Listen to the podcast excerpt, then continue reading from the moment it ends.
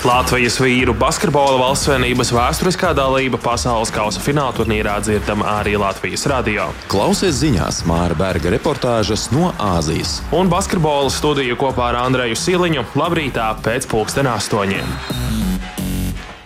Pasaules kausa basketbolā ir noslēdzies. Par čempioniem pirmoreiz vēsturē kļuvuši Vācijas izlases basketbolisti finālā apspēlējot Serbiju. Un par izšķirošajām spēlēm, par labākiem spēlētājiem un to, kas sagaida Latvijas izlasi. Nākamo 15 minūšu laikā jūsu uzmanībai Latvijas radio basketbola studija.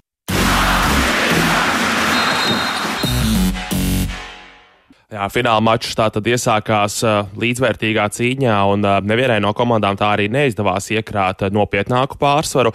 Pēc puslaika rezultāts bija neizšķirts 47, 47. Trešā ceturdaļa un tieši trešās ceturdaļas otrā daļa bija brīdis, kad Vācijai tātad izdevās nedaudz lielāks izrāviens, un viņi tobrīd savu, izrā, savu pārsvaru spēja palielināt līdz desmit punktiem. Sērpi gan nepadevās, un ceturtās ceturdaļas beigās viņi jau bija pietuvojušies līdz viena metiena attālumam, un uh, viņiem bija iespējas panākt izlīdzinājumu, taču beig beigās augstasinīgāki un precīzāki tomēr bija vācieši, kuri arī varēja svinēt uzvaru. Izšķirošajā spēlē 28 punkti Vācijas kapteinim un turnīra vērtīgākajam spēlētājam Denisam Šrēderam, bet Frants Vāgners pievienoja 19 punktus. Tāpat uh, bronzu vakar nopelnīja Kanāda, kas ar 127, 118 papildu laikā uzvarēja ASV. Šī spēle, protams, ārkārtīgi skatāma. Amerikāņiem ar pēdējos sekundžu metienu, izraujot papildu laiku, taču beigu beigās Kanāda papildu laikā bija veiksmīgāka. Fantastiska spēle padavās kanādietim Dilonam Bruksam, kurš izcēlās ar 39 punktiem, aizvedot iespējams rezultātīvāko spēli visā savā profesionālajā karjerā, ņemot vērā gan izlasi, gan arī klubu mačus. Nu, noteikti jāpiemina, ka fināls neiztika tomēr bez latviešiem, jo finālu tiesāja Latvijas tiesnesis Gatis Saliņš. Šāds nozīmējums kādam no Latvijas tiesnešiem arī pirmo reizi vēsturē. Ja mēs eh, skatāmies no vēsturiskā aspekta, tad eh, Vācijai šī ir pirmā zelta godalga pasaules kausos un otrā vispār. Iepriekš augstākais sasniegums eh, tieši pasaules kausa izcīņā bija bronza pirms 21 gada, 2002. gadā. Nu, interesanti, ka toreiz par vērtīgāko turnīru spēlētāju, jeb MVP, atzina nevis kādu no uzvarētāju komandām, no Dienvidslāvijas vai finālistas Argentīnas, bet tieši Vācijas neapšaubāmo līderi Dirku Novīcki. Nu, tāda statusa spēlētāja šobrīd Vācijas izlasē nav, bet kas zina, varbūt šis turnīrs kļūs par pamatu tam, lai kāds no šiem jaunajiem pasaules čempioniem kļūtu par nu, pēdiņās nākamo Novīcki. Eh, Serbijai, protams, kā Dienvidslāvijas mantiniecei, panākumu saraksts ir garš un plašs, un, un finālā tā spēlēja jau, jau ceturto reizi. Divreiz ir izcīnīts zelts, bet divas reizes bronza. Eh, pirms eh, deviņiem gadiem Spānijā eh, Sērbija finālā zaudēja amerikāņiem, šogad vāciešiem. Nu, ņemot vērā visus sastāvu iztrūkumus, sākot ar Nikolu Jokiču, šis ir labs panākums arī Serbijai. Eh, jau turnīra laikā Serbiem nācās palikt bez viena no saviem spēlētājiem, jo spēlē pret Dienvidu Sudānu spēku uzbrucējs Borīša Simaničs spēles laikā saņēma sitienu pa sāniem no pretinieka, un tā rezultātā, diemžēl, basketbolistam nācās zaudēt vienu nieri. Pēc fināla Serbijas kapteinis Bogdanovičs izgāja laukumā ar uh, šī spēlētāja Simaniča krēklu, tādējādi arī godinot šo spēlētāju, kurš nu, ļoti burtiski ziedoja savu ķermeni par šo panākumu. Jā, vēl viņam noteikti veiksmīga atvesaļošanās un vispirms jau tādas pilnvērtīgas dzīves uh, atgūšana, pirms sāk domāt par basketbola gaitu atsākšanu par bronzas maču paturpinot, tad uh, tāpat kā Vācijai, arī Kanādai šajā pasaules kausā izdevās sasniegt savu augstāko panākumu līdz šim. Mm, ārpus kontinenta kanādieši nekad nebija spējuši izcīnīt medaļas kopš 1936. gada. Toreiz eh, izdevās eh, tikt pie eh, sudraba godalgas Olimpiskajās spēlēs, un starp citu, toreiz 36. gadā pa ceļam uz šo medaļu kanādiešiem izdevās apspēlēt arī Latvijas pirmo sapņu komandu. Eh, savukārt amerikāņi pirmoreiz vēsturē divus pasaules kausus pēc kārtas eh, paliek bez medaļām, un šoreiz tā ir ceturtā vieta. Pirms četriem gadiem Ķīnā tā bija septītā vieta. Nu, amerikāņu galvenais treneris Steve's Kērs pēc eh, pēdējām spēlēm arī runāja par eh, sporta globalizāciju un to, ka vairs nav 90. gadu sākums, kad amerikāņi varēja atsūtīt jebkādu sastāvu un uzvarēt. Nu, basketbola līmenis pasaulē ir izlīdzinājies un nav šaubu, ka ASV joprojām ir dziļākās talanta rezerves un augstākais vidējais talanta līmenis, taču ja šim vidējam līmenim liekas sacensties ar visas pārējās pasaules, īpaši Eiropas labāko, spēku labākiem spēlētājiem, tad tas bieži vien var arī beigties negatīvi amerikāņiem. Nu, viņiem tā attieksme pret pasaules kausu ir citādāka nekā pārējai pasaulē, kas savukārt tā nav, ja runa ir par olimpiskajām spēlēm. Un nav šaubu, ka nākamā vasarā uz olimpiskajām spēlēm amerikāņi nu, noteikti savāks daudz jaudīgāku sastāvu un atkal būs galvenie favorīti uz uzvaru. Un arī kanādiešiem galvenais mērķis bija būt vienai no divām labākajām Amerikas komandām, kas garantēja dalību Parīzes spēlēs nākamgad. Jā, nu, ja mēs pieskaramies Parīzes Olimpisko spēļu tematam, tad uh, pasaules kausā astoņas komandas nopelnīja ceļa zīmes uz Parīzes Olimpiskajām spēlēm, taču tās pienākas nevis astoņām labākajām komandām, bet šīs ceļa zīmes sadalītas pēc kontinentālā principa, proti pasaules kausa ceļa zīmes. Ja, uh, pasaules kausā ceļa zīmes uz Parīzi ieguva divas labākās Eiropas un Amerikas komandas, kā arī pa vienai ceļa zīmē pienākas Āfrikas, Āzijas un Okeānijas reģioniem. Par Parīzi jau var domāt Vācija. Vācija, Sērbija, ASV un Kanāda, kā jau minēja, tāpat arī Austrālija, Dienvidsudāna un Japāna, kā arī, protams, Francija, kas izgāzās pasaules kausā, bet viņiem ceļa zīme automātiski pienākas kā spēļu rīkotāju valstī.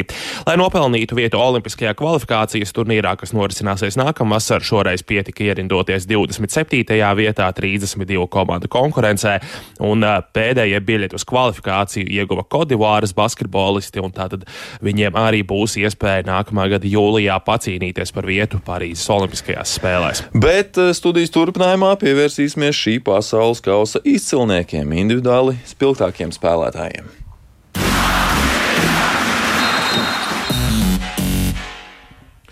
Uzreiz sāksim ar turnīra vērtīgāko spēlētāju, jeb MVP. Par to atzina Vācijas izlases kapteini Denisu Šrēderu.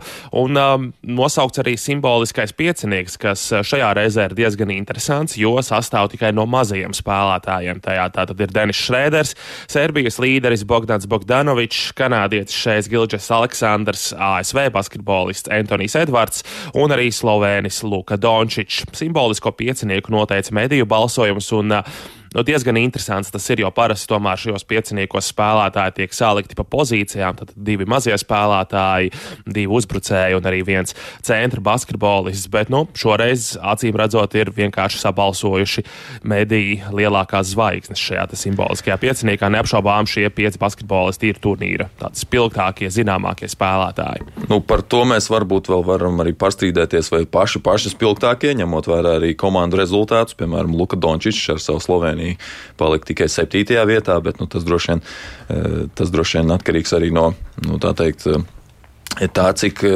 cik pazīstams ir Luka Dončičs, un tas viņam droši vien ļāva arī tikt pie kādām balsīm, ņemot vērā arī to, ka balsojumā piedalījās ne tikai nu, teiksim, tā, Eiropas valstu un, un ASV un Kanādas žurnālisti, bet, protams, arī visi vietējie žurnālisti, kuri klātienē atspoguļoja turnīru, tur jau, protams, ka viņiem redzēt klātienē lielākās pasaules zvaigznes, tas vien jau ir notikums. Māri to arī balsoja. Eh, tev pārsteidza tas, ka, ka bija šāds eh, balsojums, kurā ir tikai aizsargi. Jā, nu mēs ar tevi ar, arī par to aizkadrā runājām, un uh, es tiešām esmu pārsteigts par šādu balsojumu. Kā es teicu, parasti tomēr tiek salikti spēlētāji pa pozīcijām, bet uh, redzot, kā tajā pašā Indonēzijā vietējie mediji cik milzīgu uzmanību viņi pievērš šīm NBA zvaigznēm, zināmākiem spēlētājiem. Nu, beig beigās tas tāds popularitātes konkurss arī mazliet sanāk. Nevis, kā jau tu minēji, Luka Dončičs, jā, viņš savus punktus savāca, savu statistiku savāca, bet Slovenijas tā kopējā spēle un arī viņam pašam nemaz jau tik skaisti nebija. Bet uh, populārs viņš ir, tāpēc arī šīs savas balsis viņš saņēma. E, nu, un e, mēdī noteica arī otro simbolisko piecinieku. Tajā atradās vieta arī vienam Latvijas izlases spēlētājam. Saspēles vadītājs Artūrs Žagars tajā iekļuva. Viņš šajā turnīrā vidēji guva 12,4 punktus un deva 7,4 rezultatīvas piespēles. Galu galā pret Lietuvu viņš sasniedz jaunu pasaules kausa piespēļu rekordu ar 17. Nu, starp visiem piespēlētājiem pasaules kausā viņš bija piektais labākais. Arthurs bija arī astotais efektīvākais spēlētājs pasaules kausā, un starp 30 efektīvākajiem viņš ir vienīgais, kuram aizvien nav darba vietas nākamajai sezonai. Tā, tā arī ir viena no intrigām eh, šīs eh, basketbola vasaras, jau jāsaka, rudens turpinājumā. Eh, nu, bez žagara otrajā simboliskajā pieciniekā atradās vieta arī Vācijas izlases mm, gados jaunajam līderim Francam Wagneram, Itālijas izlases uzbrucējs Simona Fontekjo arī tur bija, un tāpat arī Serbijas izlases centrs Nikola Milutīnovs un Lietuvas izlases kapteinis arī centrs Jons Valančuns. Tas otrais piecinieks stipri garāks un ārpus, arī ārpus pozīcijām. Jā, tā nu ir sanācis šajā reizē. Nu, katrā, katrā ziņā ar Tūru Žagara aģentiem es nešaubos, ka viņu tālruņi ir karsti un uh, tur zvana menedžeri no dažādiem klubiem. Tas tagad ir viņu prasmi jautājums sakārtot Artūram tādu pēc iespējas labāku vietu, kur viņš var uh, turpināt savu karjeru Mēs klubu līmenī. Bet uh, Artūrs Žagars noteikti nav vienīgais uh, Latvijas. Uh, pārstāvis, kurš ir saņēmis kādu individuālo atzinību. Proti, Latvijas izlases galvenais treneris Luka Banki atzīts par turnīra labāko treneri un es teiktu, ka pilnībā pelnīti. Nu, vēl noteikti varam pieskarties arī individuālajām eh, individuāliem sniegumam, tādām performancēm, kas izcēlās uz eh, kopējā fona. Vairāk nekā 30 punkti tika gūti 18 reizes, nu, un lielākais eh, punktu skaits ir 39. To, kā jau Mārcis stāstīja, Dilons Brooks bronzas spēlēja mm, samet pret amerikāņiem, nu, un tāpat arī Jordānas eh, naturalizētais amerikānis Rondē Hollis Jeffersons eh, iemeta 39 punktus spēlē, un arī Karls Antonijs Tauns no Dominikānas eh, guva 39 punktus. Vienīgais no šiem visiem spēlētājiem uzvaru šajā spēlē, kurā guva 39 punktus, izcīnīja Dilons Brooks.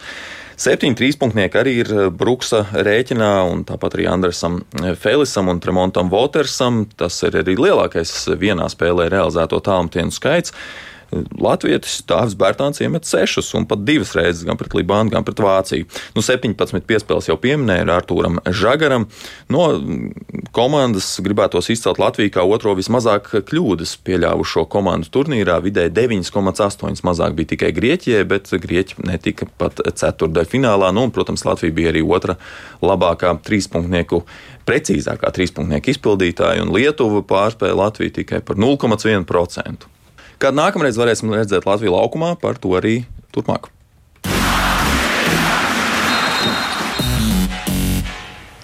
Latvijas izlases nākamās spēles tātad jāgaida nepilnu pusgadu. Nākamie mači mūsējiem Eiropas čempionāta kvalifikācijas turnīrā februārī, 22. februārī spēle pret Spāniju, 25. pret Slovākiju. Un tā kā Latvija ir nākamā čempionāta viena no rīkotājiem, tad Latvijai vieta Eiropas čempionātā jau ir garantēta. Nu, tas nozīmē, ka mūsējā kvalifikācijā vairāk piedalīsies sportiskās formas, uzturēšanas nolūkos un varēs meklēt jau iestrādnes eh, fināla turnīram. Nu, tātad tās visas būtībā mums mums būs kā pārbaudas spēles, bet citām komandām gan šīs spēles būs svarīgas. Nu, Nākamā vasarā priekšā Olimpiskais kvalifikācijas turnīrs kopumā 24 valstis, kas būs sadalīts četrās grupās, un tikai grupu uzvarētāji tiks uz Parīzes Olimpiskajām spēlēm. Kvalifikācija notiks no 2. līdz 7. jūlijam. Un arī Latvija teorētiski ir gatava pieteikties rīkošanai, bet nu, praktiski tam ir vairāki šķēršļi. Viens no tiem, protams, ir nauda, jo kvalifikācijas turnīra izmaksas varētu būt 5-6 miljoni eiro. Eh, kopumā mums eh, sastāvā būs visi spēlētāji, izņemot eh, kapteini Dairu, kas spēlēs ārvalstu klubos šīs sezonas laikā, tāpēc noteikti varam aicināt pastiprinātāk sekot viņu gaitām. Eiropā un arī Amerikas Savienotajās valstīs, protams, arī vietējai līgai, kas sāksies jau pavisam drīz. Jā. Šī tad ir 18. un arī noslēdzošā reize, kad uh, tiekamies Latvijas radio basketbola studijā šajā gadā un šajā reizē, bet, kā jau iepriekš runājām, tad uh, basketbola notikumu gada turpinājumā netrūks, un tiem tad arī sekosim kopā uh, līdzi jau Latvijas radio sporta ziņu izlaidumos. Paldies par uzmanību! Šovakar vēl tiekamies sagaidīšanā pie brīvības pieminekļa un Latvijas radio ēterā. Visu labu!